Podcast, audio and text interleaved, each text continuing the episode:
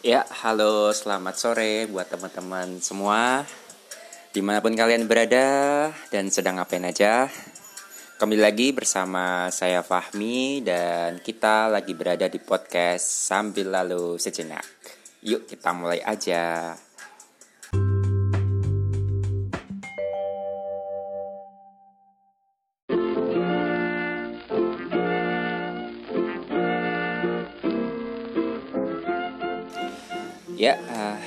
gimana kabar kalian sore ini teman-temanku semua yang lagi dengerin podcast? Mudah-mudahan baik-baik aja ya dan senantiasa diberi kesehatan, terus diberi kebahagiaan sama Tuhan yang Maha Esa. Uh, sore ini kita bakalan ngobrolin tentang satu segmen yang mana segmen ini tuh bener-bener uh, apa ya? Bener-bener dipakai sama apa ya semua orang gitu. Jadi semua orang itu pasti ngalamin yang namanya insecure atau rasa kurang percaya diri ya kan? Aslinya sih gimana ya? Saya nggak pengen bahas ini ya cuman kemarin itu waktu saya bikin akun baru jadi saya punya Twitter itu dua, yang satu emang akun utama, yang kedua saya bikin akun lagi tapi ini bener-bener buat uh, for my daily life gitu ya. Jadi bukan yang kayak yang akun pertama kan dulu emang saya bikinnya itu karena saya bosen di FB terus waktu itu kan saya lagi seneng-senengnya bahas literasi keilmuan khususnya di bidang agama sama realita ya jadi yang kayak sosiologinya kemudian kayak sisi art antropologinya, sisi sejarahnya gitu. Terus habis itu lama kelamaan kok ya bosen juga gitu. Kayaknya tuh uh, gimana ya ngebahas hal yang tiap hari jadi makanan saya. udah dari kecil juga jadinya ya udah saya ganti.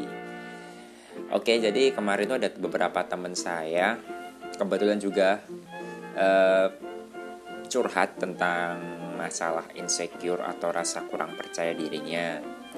Terus, oh ya, kembali ke Twitter tadi juga waktu saya bikin akun baru, kemudian saya follow beberapa akun-akun yang menurut saya menarik, yang dari dulu pengen saya follow di luar uh, konteks atau region agama ya. Itu benar-benar ini sih, apa namanya, kebanyakan statusnya itu tentang insecure gitu loh. Jadi entah dia pakai bahasa Inggris atau dia pakai bahasa Indonesia.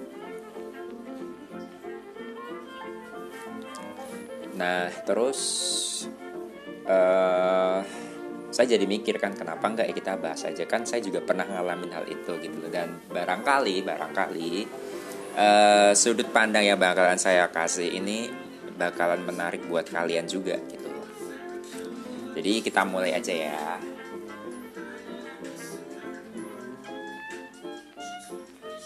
Oke, jadi aku tuh pernah ngalamin rasa insecure itu sejak masuk apa ya SD kali ya.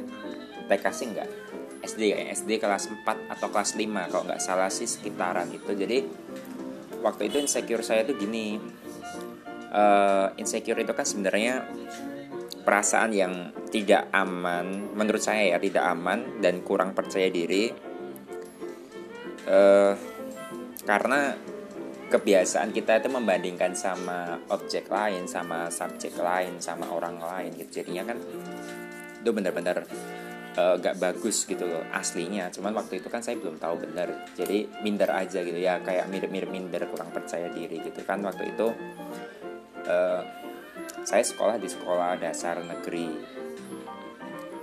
Jadi waktu itu teman-teman saya emang kebanyakan rata-rata itu uh, orangnya kalau secara skin ya secara skin tuh lebih light jadi lebih putih. Putihnya bukan yang putih etnis Chinese atau mana jadi benar-benar lebih cerah daripada saya. Sedangkan saya itu sebenarnya gelap cuman lebih ke kalau sekarang udah tahu ya skin tone jadi saya itu lebih ke tipe yang apa ya kayak olive skin gitu sih. Jadi bukan yang coklat atau yang kuning langsat atau yang hitam itu enggak. Tapi waktu itu saya cuma tahunya saya hitam gitu. Jadinya kurang pede. Terus belum lagi rambut. Saya juga insecure di rambut. Dulu waktu saya belum tahu benar kalau rambut saya ini benar-benar dalam artian ya waktu se, apa namanya sepanjang perjalanan saya mengenal diri saya buat apa nama self love itu kan saya kok rasanya kayak gimana sih rambutku kok nggak lurus kayak teman-temanku yang etnis ini etnis Jawa gitu kan. Nah jadinya terus saya insecure gitu kan ya nggak percaya diri. Waktu itu kan karena sering banget taunya kan dulu waktu itu kalau nggak lurus keriting kan padahal setelah saya apa namanya udah tambah dewasa terus tahu literasi gitu kan ternyata emang tambah lagi wawasan bahwa rambut itu macam-macam. Ada yang lurus ada yang wavy atau gelombang ada yang keriting ada yang kinky ada yang uh, lurus ikal dan sebagainya. Kayak sekarang kan ada yang tipe-tipe itu ya. Terus kemudian waktu saya cek ternyata saya punya rambut tipe, tipe uh, tipikalnya itu 2C ke 3A jadi semi-semi keriting ikal dan ada lurusnya gitu itu benar-benar saya ini sih benar-benar perjalanan saya mengenal diri saya sendiri itu benar-benar berproses. Jadi saya nggak bisa instan buat mencintai diri saya. Even saya dapat support dari keluarga juga. Waktu itu kan saya juga pernah ngalamin yang namanya kurang percaya diri kan. Saya pernah tanya ke mama mah kenapa sih kulitku kok nggak seputih sama saudara-saudaraku nggak seputih teman-temanku? Gitu. Terus mama bilang e, Mas Ami nggak usah nggak usah minder gitu. Kulitnya bagus. Mas Ami emang kalau di sini belum kelihatan. Ntar kalau udah tambah gede Mas Ami udah bisa keluar negeri temennya udah banyak gak cuma dalam negeri. Nanti Mas Ami bakal seneng banget sama kulit ini. Itu kata-kata mama pertama keluar waktu saya insecure. Itu saya pegang banget karena waktu itu saya masih SD jadi saya cuma ada keyakinan oke okay, let's see. Saya tunggu aja. Ntar gimana? Bener nggak omongan mama ternyata perjalanan waktu bener-bener terjadi. Bener-bener saya waktu udah mulai SMA kemudian kuliah dan sampai ke luar negeri itu mendapatkan respect yang atau respon yang bagus sama teman-teman baru saya. Banyak yang suka kulit saya banyak yang suka rambut saya. Bahkan sekarang kan banyak banget model-model rambut yang emang udah lurus di ikal dari keriting kemudian yang keriting yang dilurusin jadi itu saya bilang itu lumrah sih secara psikologikal secara natural manusia emang kayak gitu. Jadi mereka emang bener sih ada benernya kalau ada yang bilang merubah insecure menjadi bersyukur. Cuman itu gak semudah kayak kata-kata quotes bijak-bijak kayak gitu. Dia perlu proses kita perlu yang namanya proses. Bahkan dalam proses ini kita bisa banget loh kita tuh gagal gitu loh. Jadi saya e, menganjurkan buat teman-teman semua untuk saling support ya karena insecure itu berasal atau saya pikir awalnya itu dari pandangan orang lain ke kita kemudian kita benar-benar kayak ngasih atensi yang berlebih. Ya nggak sih? Harusnya sih iya karena kan kebanyakan gitu jarang banget mungkin ada yang kita dari apa uh, inner self kita itu kita ngasih apa namanya uh, apa ya kayak membandingkan diri kita. Tapi kan itu kecil kalau nggak ada pemicu atau nggak terpicu oleh omongan atau mungkin kata-kata orang lain. Makanya saya sering banget untuk hati-hati menilai seseorang apa pun itu. Even kamu itu nggak suka gitu loh. Karena kita nggak tahu kan. Misalkan gini ini banyak banget ya di Indonesia tuh gak di Indonesia sih sebenarnya di luar negeri juga banyak cuman udah lebih teredukasi udah lebih banyak yang tahu keistimewaan kelebihan masing-masing proporsional tubuhnya manusia. Cuman di Indonesia ini masih sering banget saya dengar bahkan di sekitar lingkungan saya itu ngatain orang gendut ngatain orang hitam ngatain orang keriting ngatain orang uh, apa namanya macam-macam lah. Hidung juga kadang di ini sih saya sering dengar banget orang itu ngebully hidung ngebully mata. Padahal kan masing-masing dari kita ini benar-benar udah proporsional banget. Tinggal gimana kita ngerawat tinggal gimana kita cari tahu gitu loh. Cari tahu oh kenapa sih kita terciptakan? Misalkan hidung kita nggak boleh. Misalkan ya yang, punya hidung nggak mancung itu kenapa harus kayak gitu? Ternyata emang secara kalau kita secara lihat secara estetika ya kan di mungkin di bidang kecantikan saya pernah ngobrol sama adik saya ngobrol sama teman-teman saya yang cewek emang itu udah udah proporsional banget. Kalau mau dirubah kadang-kadang itu jadi jatuhnya itu jadi kayak nggak nggak simetris kayak jumpang banget gitu loh. Misalkan mata kalian sipit terus hidung kalian bangir mancung banget karena gara-gara kalian oplas. Itu nggak masalah asalkan kalian bener-bener udah percaya sama diri kalian dan kalian bener-bener uh, semacam bangga seneng dan nyaman. Itu nggak masalah. Tapi kalau kalian ngelakuin oplas cuman karena omongan temen dan kalian setelah oplas merasa malah malu merasa malah semakin nggak percaya diri. Ini buat saya benar-benar menakutkan banget karena kalian udah ini nggak sayang sama tubuh kalian. Nggak sayang sama tubuh itu eh, nggak berarti kita harus mengabaikan ya. Kita tuh sebenarnya cuma disuruh untuk merawat gimana supaya kita mengenal tubuh kita. Misalkan dari yang sepele-sepele dulu misalkan kulit kita. Ini kulitnya kalau saya ya kulitnya ini kan uh, mungkin lebih ke coklat terang gitu ya light brown gitu kan.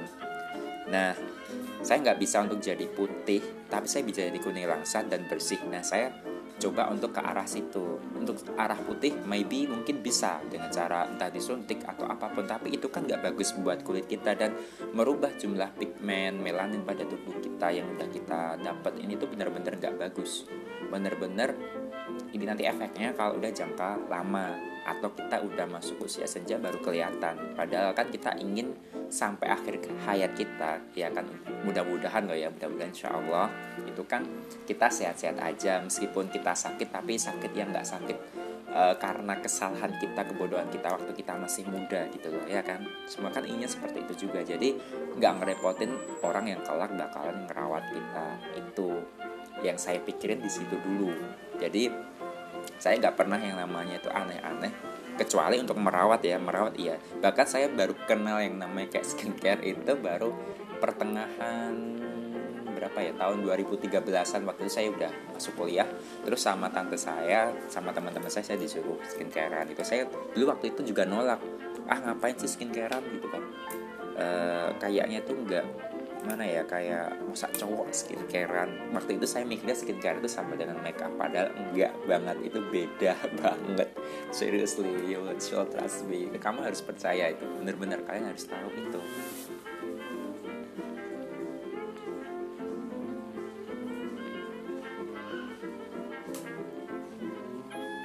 Terus itu baru satu segmen ya. Kemudian kita kan nanti juga harus tahu dari hal-hal yang dasar misalkan kayak kulit kita ini wajah kita kulitnya berminyak atau kering atau kombinasi kalian harus tahu. Kemudian ketika kalian memakai perawatan perawatan itu kalian juga harus ngetes. Maksudnya kalian alergi nggak? Kalian nanti jadi breakout atau enggak gitu. Terus kalian nanti e, bakalan mengenal dari hal-hal kayak itu itu baru hal yang standar-standar aja. Ntar belum lagi kalian harus mengenal yang paling level paling penting itu adalah e, kecenderungan kecenderungan kalian uh, dalam apa ya kayak kenyamanan atau dalam hal-hal lain gitu. Misalkan kalian benci ini kalian suka ini kalian bakal happy kalau begini kalian bakal benar-benar dapat bad vibes atau benar-benar moodnya buruk kalau lagi begini. Nah itu kalian harus tahu benar supaya supaya apa? Supaya kalian itu apa namanya bisa mencintai diri kalian apa adanya gitu bahkan saya itu selalu banget ya selalu banget itu ngasih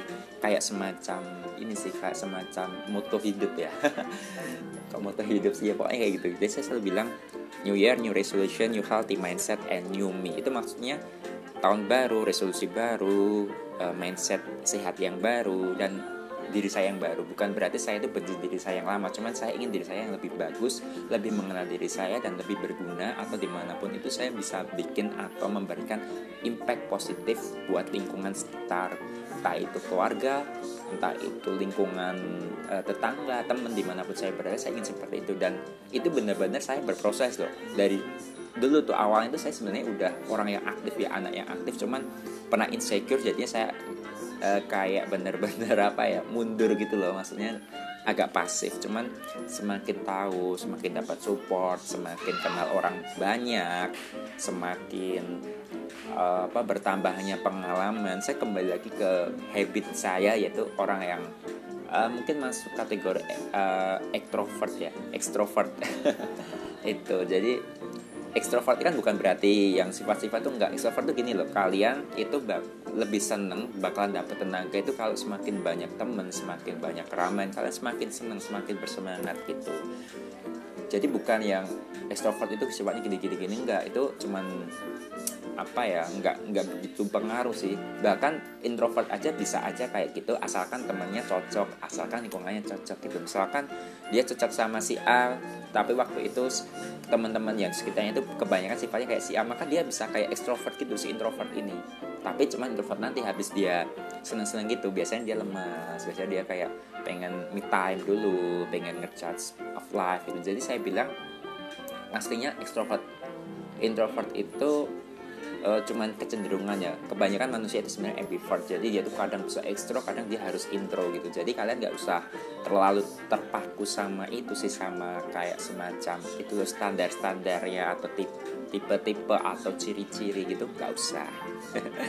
Serius deh saya udah tahu banget. Nah kemudian uh, insecure itu kan sebenarnya mindset ya mindset dan sebagainya itu kan nah banyak banget tips-tips entah itu di internet, di Twitter, di Google, di Instagram. Kalian follow influencer siapa, pakar siapa, psikiater siapa.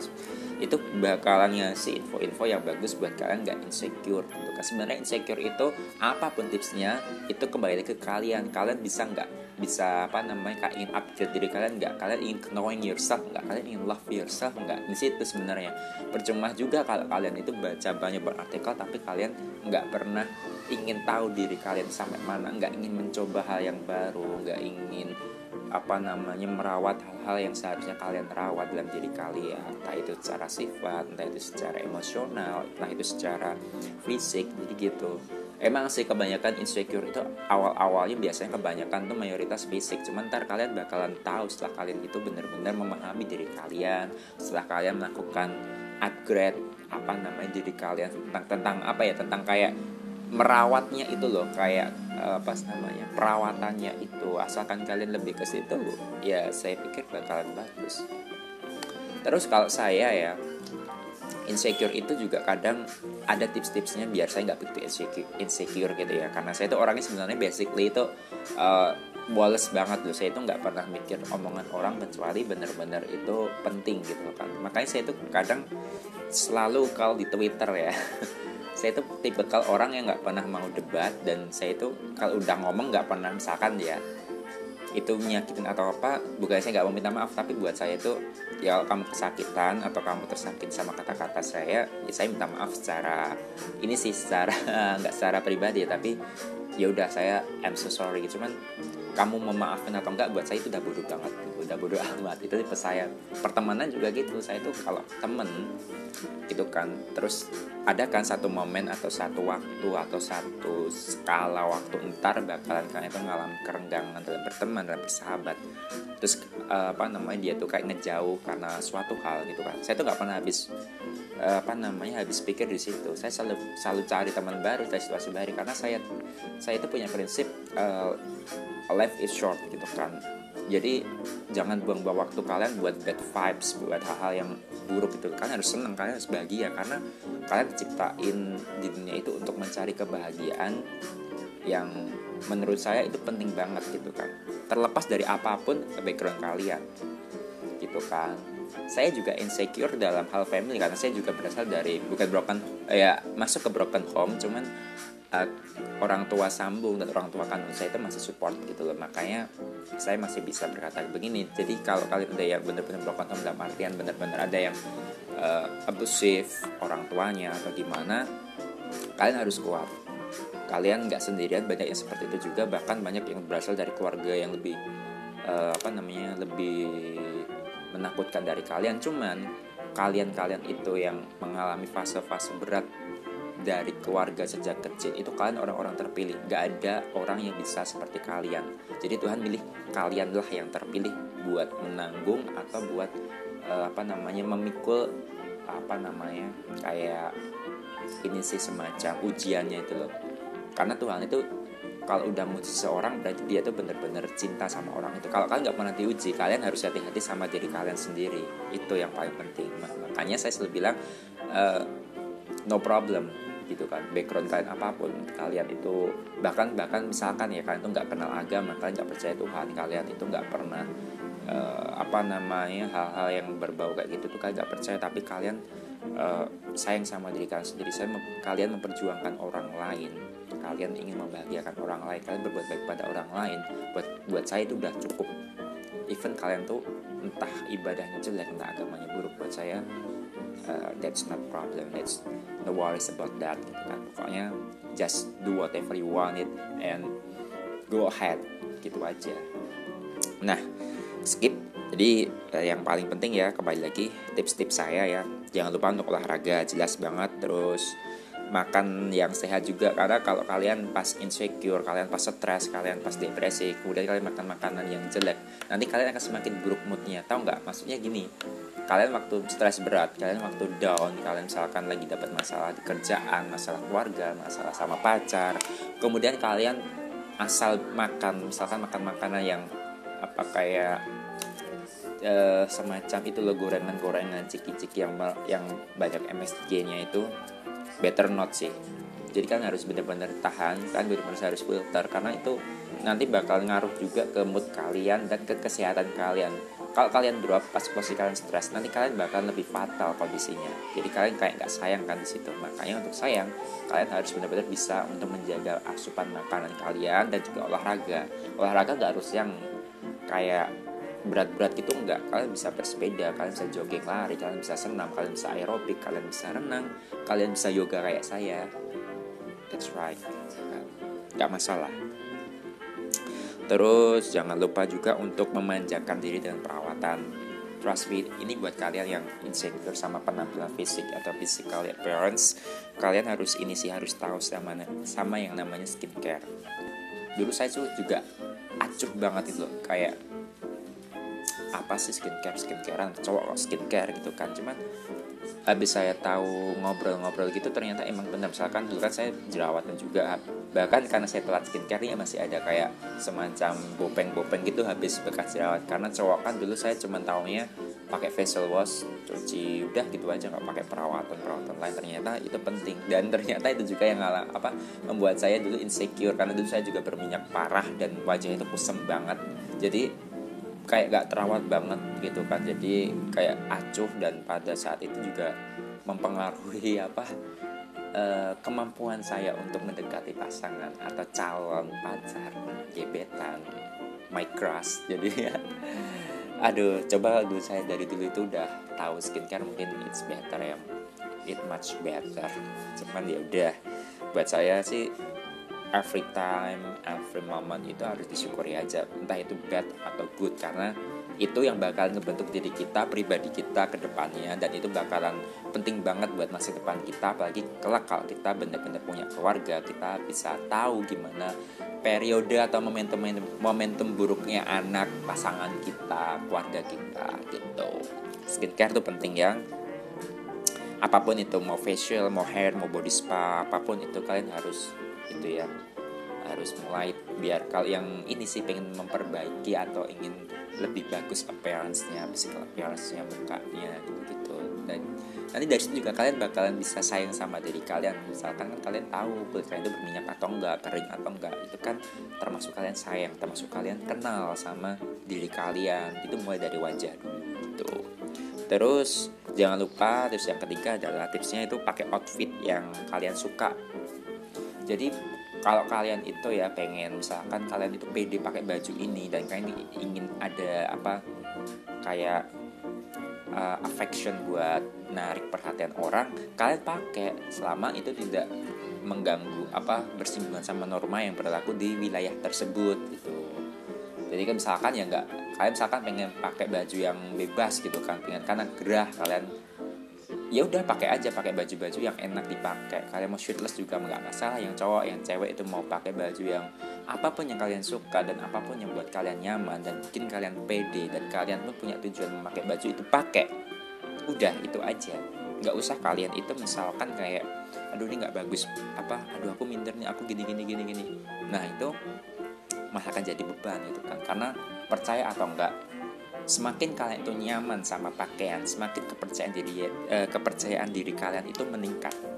dulu saya juga gitu saya pernah salah dalam pakai outfit bahkan saya pernah masa bodoh sama outfit tapi waktu saya kemudian masuk karena saya tuh e, dari kecil suka sama seni suka sama hal-hal yang berbau menarik gitu ya mulai dari fashion mulai dari itemnya mulai dari uh, interior arsitekturnya apa pun itu. Kemudian saya mulai mengenal yang namanya outfit juga dan saya juga berkenalan dengan orang banyak dan finally saya bisa menemukan uh, apa my own style gitu kan. Dan itu langsung bisa meningkatkan uh, apa ya my confident jadi kayak semacam lebih pede gitu. Itu penting banget sih. Terus yang keempat kalian tuh harus membatasi ngeliat akun-akun digital. Misalkan gini kalian insecure sama pencapaian suatu influencer di Instagram. Dan kalian tuh uh, misalkan terpacu gitu ya tapi kalian nggak bisa mengikuti dia. Bahkan kalian seperti uh, lemah dalam artian kayak kecapean ikutin dia. Jadi kalian nggak usah nggak usah ikutin dia. Kalian cari influencer atau cari akun orang yang menurut kalian tuh merepresentasikan diri kalian dan kalian tuh bisa ngikutin dia dan dia tuh gue banget gitu loh. Nah itu itu itu much better gitu loh. Jadi kalian jangan sampai terpacu tapi kalian nggak nggak bisa mengikuti dia dan kalian malah kayak semacam over expectation. Terus kemudian kan semacam kayak wasting your power wasting your energy itu don't better not. Ya jangan. Itu percuma. Kemudian juga kalian juga harus ini apa filter-filter ini di Twitter kan banyak banget ya. Kalau kalian yang belum terbiasa main Twitter itu kan banyak banget kayak yaitu mainnya kayak sarkas kayak jokes jokesnya kayak dark jokes dan sebagainya. Kemudian kritikal kritikalnya benar-benar tajam gitu. Buat kalian yang nggak terbiasa sama kayak itu better not atau main Twitter. Kemudian follow hal-hal yang menarik. Misalkan kalian suka sepak bola kalian follow akun-akun sepak bola pemainnya. Kalian suka style kalian cari yang style. Kalian suka selebriti ini kayak semacam actress-actress Hollywood. Misalkan kalian suka uh, kayak siapa ya? Misalkan kalau saya itu suka banget sama ini nih kayak kalau aktor Hollywood tuh yang uh, filmnya indie gitu kan. Saya suka banget karena dapat gitu kan filmnya. Tapi kadang itu jadi tabu kan. Makanya saya selalu selalu bikin akun kedua itu kadang saya itu suka kelewatan gitu kan kalau saya ini ngelihat hal-hal kayak misalkan ya cewek eh, nggak e, pakai baju cowok gini-gini dan sebagainya dalam artian yang menurut norma tim, timur tabu itu saya udah terbiasa banget. Cuman saya e, itu kadang surah apa suka keceplosan atau suka apa namanya melanggar suka offside gitu kan. Terus kemudian saya retweet saya like gitu kan. Oh no it's horrible. Jadi saya kayak aduh mak pikiran juga. Akhirnya saya bikin akun yang karena emang di luar negeri hal itu udah biasa dan saya juga dari kecil kan udah di Bali dan udah ngeliat hal-hal kayak itu tuh jadi nggak nggak apa ya kayak udah biasa gitu loh. Makanya saya itu nggak pernah yang namanya ngomentarin baju orang pakai orang nggak. Buat saya selama kalian itu nyaman terus comfy kalian confident dan kalian happy to wear that uh, apa namanya shirt atau apa pun itu outfit kalian ya udah. Kalian mau shirtless sekali pun nggak masalah karena di saya udah udah terbiasa ngelihat. Apalagi waktu di luar negeri sering banget lihat orang ciuman di jalan. Tapi di Eropa ya di Amerika tuh jarang. Kalau di Eropa sering banget. Terus kadang ada orang yang bercumbu gitu juga lihat udah biasa. Tapi waktu saya balik ke Indonesia ya saya harus hati-hati gitu kan. Dan keluarga juga udah biasa lah kayak gitu udah ngelihat kayak gitu tuh udah semacam hal yang normal gitu. Sorry ya tadi ada suara motor agak brengsek sih itu. Itu karena ini motor dari teman saya. Oke jadi itu ya. Terus kemudian nah kalian juga harus menambah literasi khususnya tentang apa namanya mengenal diri kalian sendiri. Insecure itu uh, datang karena kita itu lalai sama diri kita sendiri dan kita nggak menguasai topik. Misalkan kalau saya kan dulu uh, lalainya itu saya nggak nggak tahu yang namanya skin tone terus kemudian hair types dan sebagainya. Kemudian uh, tentang apa namanya uh, bentuk fisik dan sebagainya itu saya nggak tahu. Makanya itu sebenarnya saya baca literasi kemudian saya kenal banyak orang dan akhirnya saya bisa menerima saya, diri saya sendiri dan saya berhasil be happy be healthy kemudian ya itu jadi kayak kayak ngasih good vibes ke semua orang karena saya udah seneng sama diri saya sendiri dan saya udah happy dan saya udah udah sangat-sangat pede saya mau ngapain aja mau gimana. Karena saya udah kenal diri saya sendiri maksudnya kenal sini jangan dibawa ke ranah yang spiritual ya kayak yang apa di tasawuf atau sufi-sufi gitu. Ini mengenal diri saya secara normal secara human gitu kan tuh terus kalian yang paling penting juga uh, melatih kemampuan public speaking. Jadi kalian juga harus bisa ngobrol uh, bagus gitu kan. Kalian harus membiasakan untuk ngomong ngobrol sama orang. Kalian bisa melatih itu di lingkup yang kecil dulu kayak di keluarga kemudian di temen gitu kan. Terus kemudian nanti di organisasi dan kemudian di sebagai sebagainya bahkan saya sampai sekarang tuh masih belajar untuk ngomong yang benar maksudnya gimana? Kalau saya itu kalau sehari-hari udah biasa banget ngomong pakai ada accent Inggrisnya mau e, bahasa yang campuran. Kadang-kadang bahasa Jawa Timur itu kan kasar kalau buat orang Jawa secara global ya. Tapi itu tadi makanya saya terus berusaha belajar. Bahkan kalian bisa tanya teman-teman saya yang ada di Jogja Semarang Solo.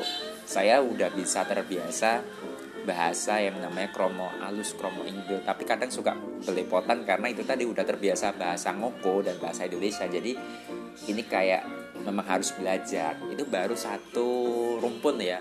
Nanti kalau saya harus bahasa Inggris juga. Saya itu nggak pernah ya sekalipun itu tumbuh karena les. Saya itu tumbuh karena benar-benar lingkungan udah dari kecil itu apa hidup di lingkungan orang yang punya accent bahasa Inggris karena teman-teman saya dan keluarga saya itu ada yang bule juga dan you should know. Saya juga punya satu dari orang tua saya yang turunan orang luar juga jadinya. Udah biasa banget. Dan bahasa yang saya pakai adalah bahasa sehari-hari daily conversation kemudian accent saya juga pernah saya rubah karena saya accentnya orang Jawa dan saya udah terbiasa banget nah nanti kalau saya keluar saya harus belajar grammar lagi karena nanti takutnya nggak sopan dan sebagainya. Karena saya kan di Bali di Australia di Eropa di Amerika itu saya sering terbiasa pakai bahasa yang kalau di bahasanya orang Indonesia itu bahasa film bahasa apa ya bahasa lagu gitu kan. Karena dari kecil emang kayak gitu juga lingkungan saya jadi nggak terbiasa yang formal-formal gitu. Nah ini juga saya masih belajar. Makanya saya kadang-kadang uh, grammar saya itu belepotan kalau pas posisi harus tepat dan benar. Tapi kalau saya suruh ngobrol conversation gitu kan pronunciation itu udah biasa banget. Udah no worries no problem. And just like it gitu kan. Udah nggak usah dipikir lagi kan. Nah terus yang paling penting yang the last ya ini adalah mulai untuk lebih terbuka dalam bersosialisasi entah kalian itu introvert entah kalian itu ambivert kalian atau extrovert kalian itu butuh banget teman kalian itu butuh banget yang namanya sosial uh, apa namanya social life. Karena kalian itu nggak bisa hidup sendiri. Oke kalian mungkin ada waktu buat me time kalian ada waktu buat sendirian. Saya juga gitu waktu saya pengen melukis saya pengen uh, mid time. Saya sering sendiri juga gitu. Tapi kita nggak bisa memungkiri bahwa kita butuh orang lain. Kita butuh sesuatu yang untuk jadi partnership kita untuk mencurahkan kita untuk menambah vibes kita untuk mereduksi vibes buruk kita. Kita butuh yang namanya temen dia bisa manusia, dia bisa hewan, dia bisa apa pun. Teman imajiner juga nggak masalah. Yang penting kalian nggak sampai over ya, nanti itu jadi toxic, toxic buat mental kalian maksudnya gitu jadi kalian harus udah mulai belajar hal-hal kayak gitu karena itu penting banget ya. Pokoknya kalian bisa mengatasi insecure kalian berarti kecerdasan emosional kalian itu bagus banget. Kecerdasan emosional itu bukan bakat dia tuh harus dilatih. Kalau yang bakat itu kecerdasan spiritual dia tuh harus itu pun harus dilatih juga tapi kecerdasan emosional kecerdasan sosial dia tuh harus dilatih. Dari kecil dari lingkungan dari support system dari dalam maupun dari luar itu penting banget.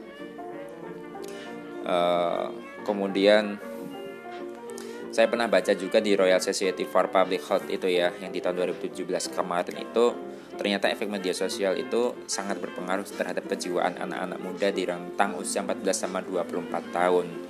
Dan kebanyakan itu berasal dari Eropa dan kalau Amerika enggak ya Amerika mungkin iya cuman dia tuh karena orang apa uh, kulturnya itu benar-benar bebas universal dan jauh dari standar-standar apa ya tata kerama unggah-ungguh kayak di Eropa. Jadi saya selalu bilang Eropa itu kayak Jogja atau Solo terus Amerika dan Australia itu kayak Jawa Timur Surabaya gitu-gitu. Dah ini benar-benar pengaruh banget apa insecure-nya gitu kan.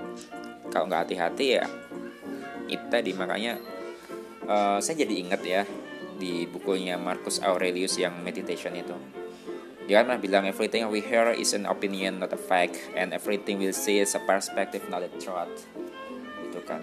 Jadi apa pun yang kita dengar itu cuma opini bukan faktanya.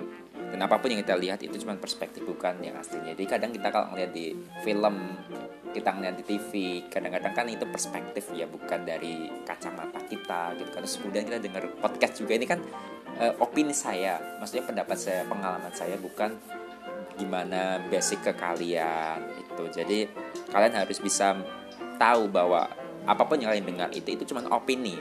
Jadi kan harus dengar sendiri misalkan gitu. Jadi kan harus dengar misalkan kalian harus dengar diri kalian sendiri bahwa bahwasanya kalian itu cakep kalian itu ganteng kalian itu cantik kalian itu luar biasa amazing kalian itu adorable gitu kan. Kan itu gorgeous gitu.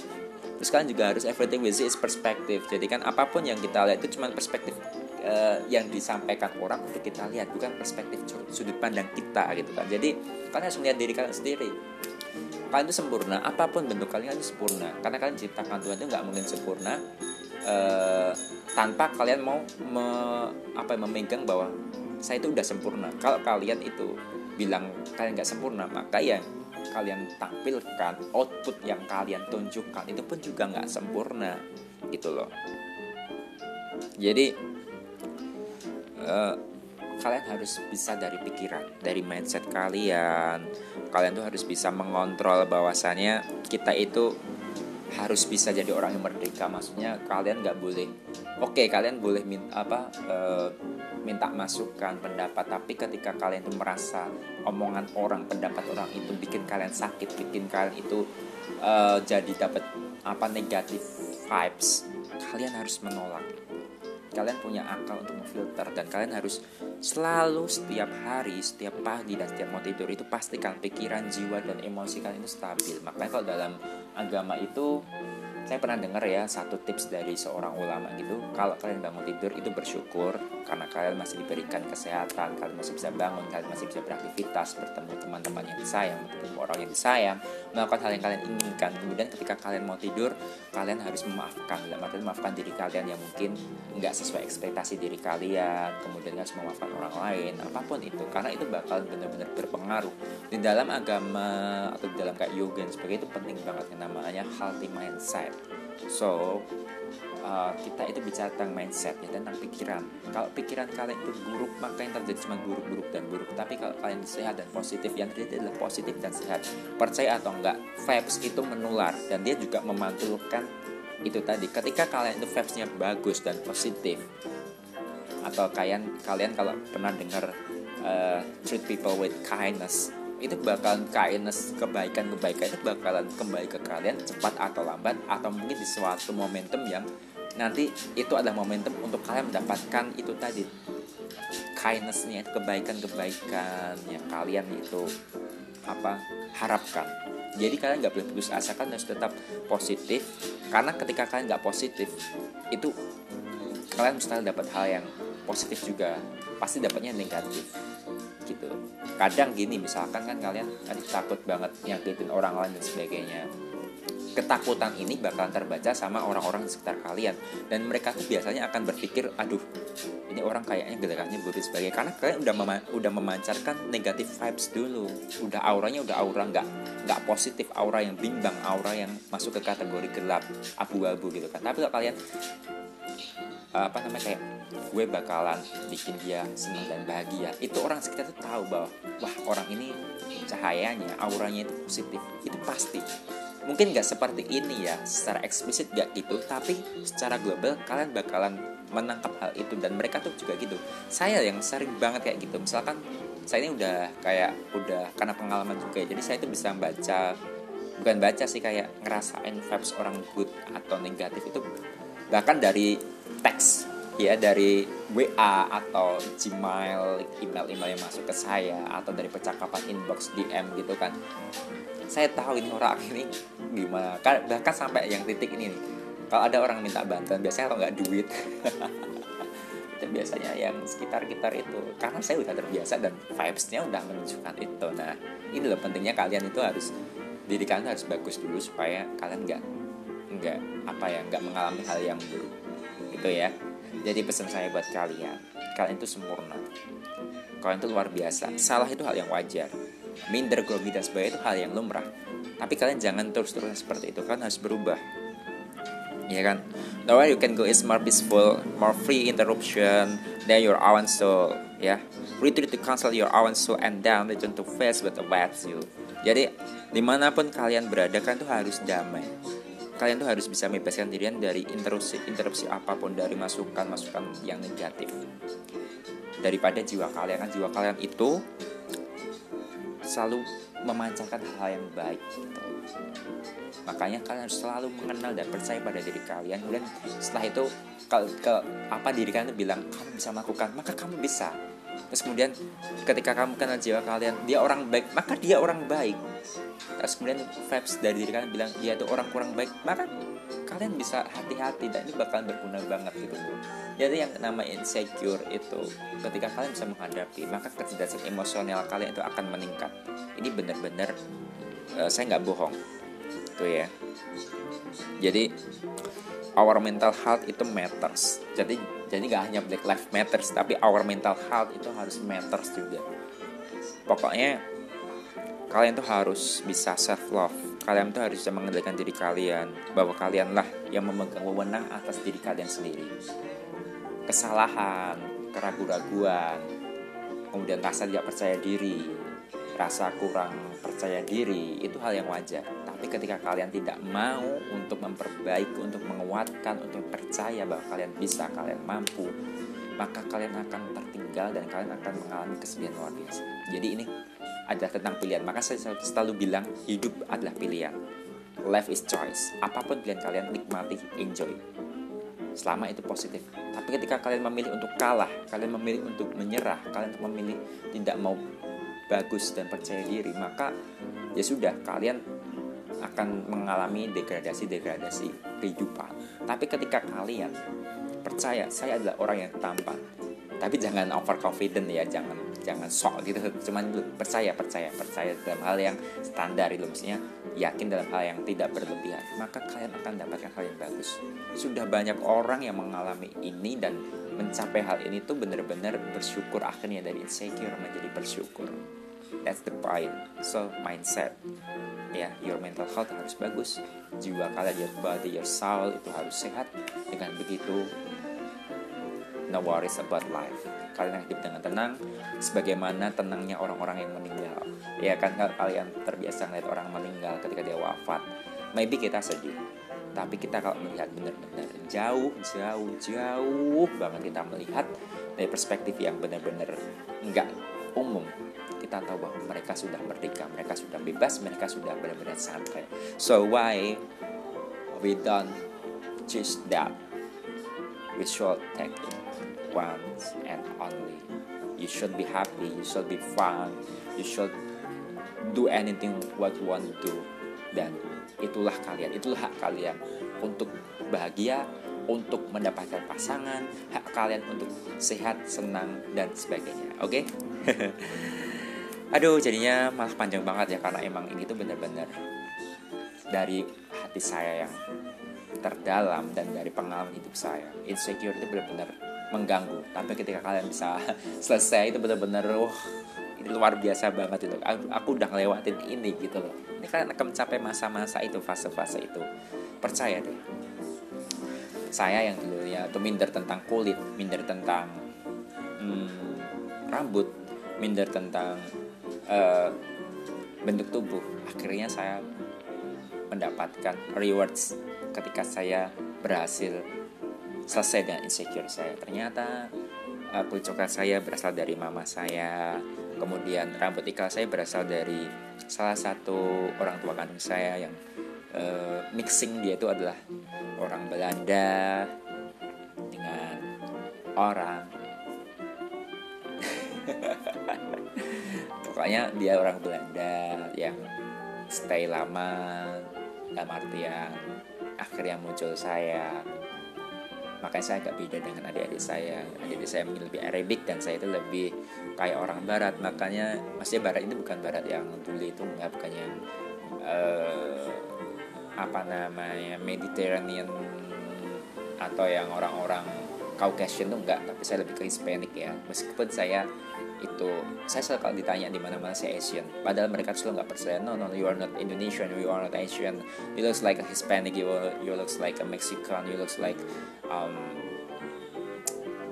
pengalaman yang dari Mediterranean juga pernah saya pernah di, disangka orang dari Itali dari Yunani karena kulit saya karena rambut saya dan juga karena accent bicara saya. Tapi saya selalu bilang saya I'm Indonesian and I'm pure Japanese uh, ethnic race tapi mereka nggak percaya dan saya pun seneng gitu. Ketika uh, ketika saya jalan sama teman saya mereka tahu itu notice bahwa dia adalah orang Indonesia tapi ketika dia orang asing itu atau ketika saya di luar negeri bicara dengan orang setempat pasti mereka nggak percaya kalau saya orang Indonesia. Mereka selalu bilang no no no gitu. Jadi itu aja dulu ya. Uh, jadi apa ya kak itu aja dulu maksudnya itu pengalaman saya yang akhirnya membuat saya jadi gak insecure. Bukan saya terus overconfident enggak tapi saya menjadi lebih bersyukur bahwa ternyata meskipun di uh, wilayah tempat saya kurang diterima awal-awal tapi finally saya diterima. Dan saya pun diterima bukan karena hal-hal yang apa berbau kayak KKN gitu ya tapi karena benar-benar kontribusi. Karena saya benar-benar berusaha menjadi orang baik berusaha untuk mendapatkan wawasan yang banyak berusaha untuk uh, nge-treat orang dengan kindness gitu kan dan berusaha untuk menyebarkan spread my good vibes and apa pun itu yang berbau dengan positif dan ini yang saya dapat. Dan saya bisa ke mana pun saya inginkan saya bisa terima karena saya memang benar-benar ingin menyebarkan kebaikan dan saya ingin mengenal lebih banyak orang belajar lebih banyak hal dan ingin mendapatkan lebih banyak jadi itu aja dulu untuk podcast sore hari ini. Mudah-mudahan bermanfaat dan mudah-mudahan kalian tetap apa namanya bisa mengambil poin-poinnya. Lakukan apa yang kalian ingin lakukan kemudian sesuaikan dengan diri kalian dan kondisi kalian. Dan kalian itu adalah orang yang spesial kalian orang yang luar biasa dan kalian itu sedang berproses. Dan jangan pernah berhenti berproses Pokoknya kalian akan menjadi hal yang lebih baik, kalian menjadi pribadi yang luar biasa dan kalian itu amazing. Saya selalu percaya apa pun kultur kalian, apa pun bentuk tubuh kalian, apa pun warna kulit kalian, apa pun background kalian, kalian berhak untuk bahagia dan kalian harus bahagia. Dan saya sangat menantikan hal itu ketika kita bisa bertemu di suatu saat nanti di mana pun kita bertemu, kita berbagi kebahagiaan dan kalian yang paling penting adalah jangan pernah merasa sedih sedih boleh tapi jangan berlarut-larut kalian harus senantiasa untuk senang. Itu yang ingin saya sampaikan di sore ini. Oke. Uh, sekali lagi saya ingatkan untuk tetap jaga kesehatan jaga kebersihan kemudian physical distancing jangan lupa pakai masker karena kita tahu belakangan ini kita semakin uh, bikin stres ya itu apa namanya kasus-kasusnya yang positif. Tapi kita harus tetap positif dan mindset kita dengan cara kita dari diri kita sendiri dari inner beauty kita sendiri dari inner self kita sendiri dari inner background inner family kita sendiri. Kita harus berasal dari starting uh, from bottom in our self ya kan karena kalian sendirilah yang tahu. Jadi saya cuma ingetin aja. Itu aja uh, saya Fahmi dari podcast sambil sejenak. Uh, mohon undur diri. Terima kasih telah mendengarkan dan matur nuwun. Thank you. Sampai ketemu di podcast berikutnya. Bye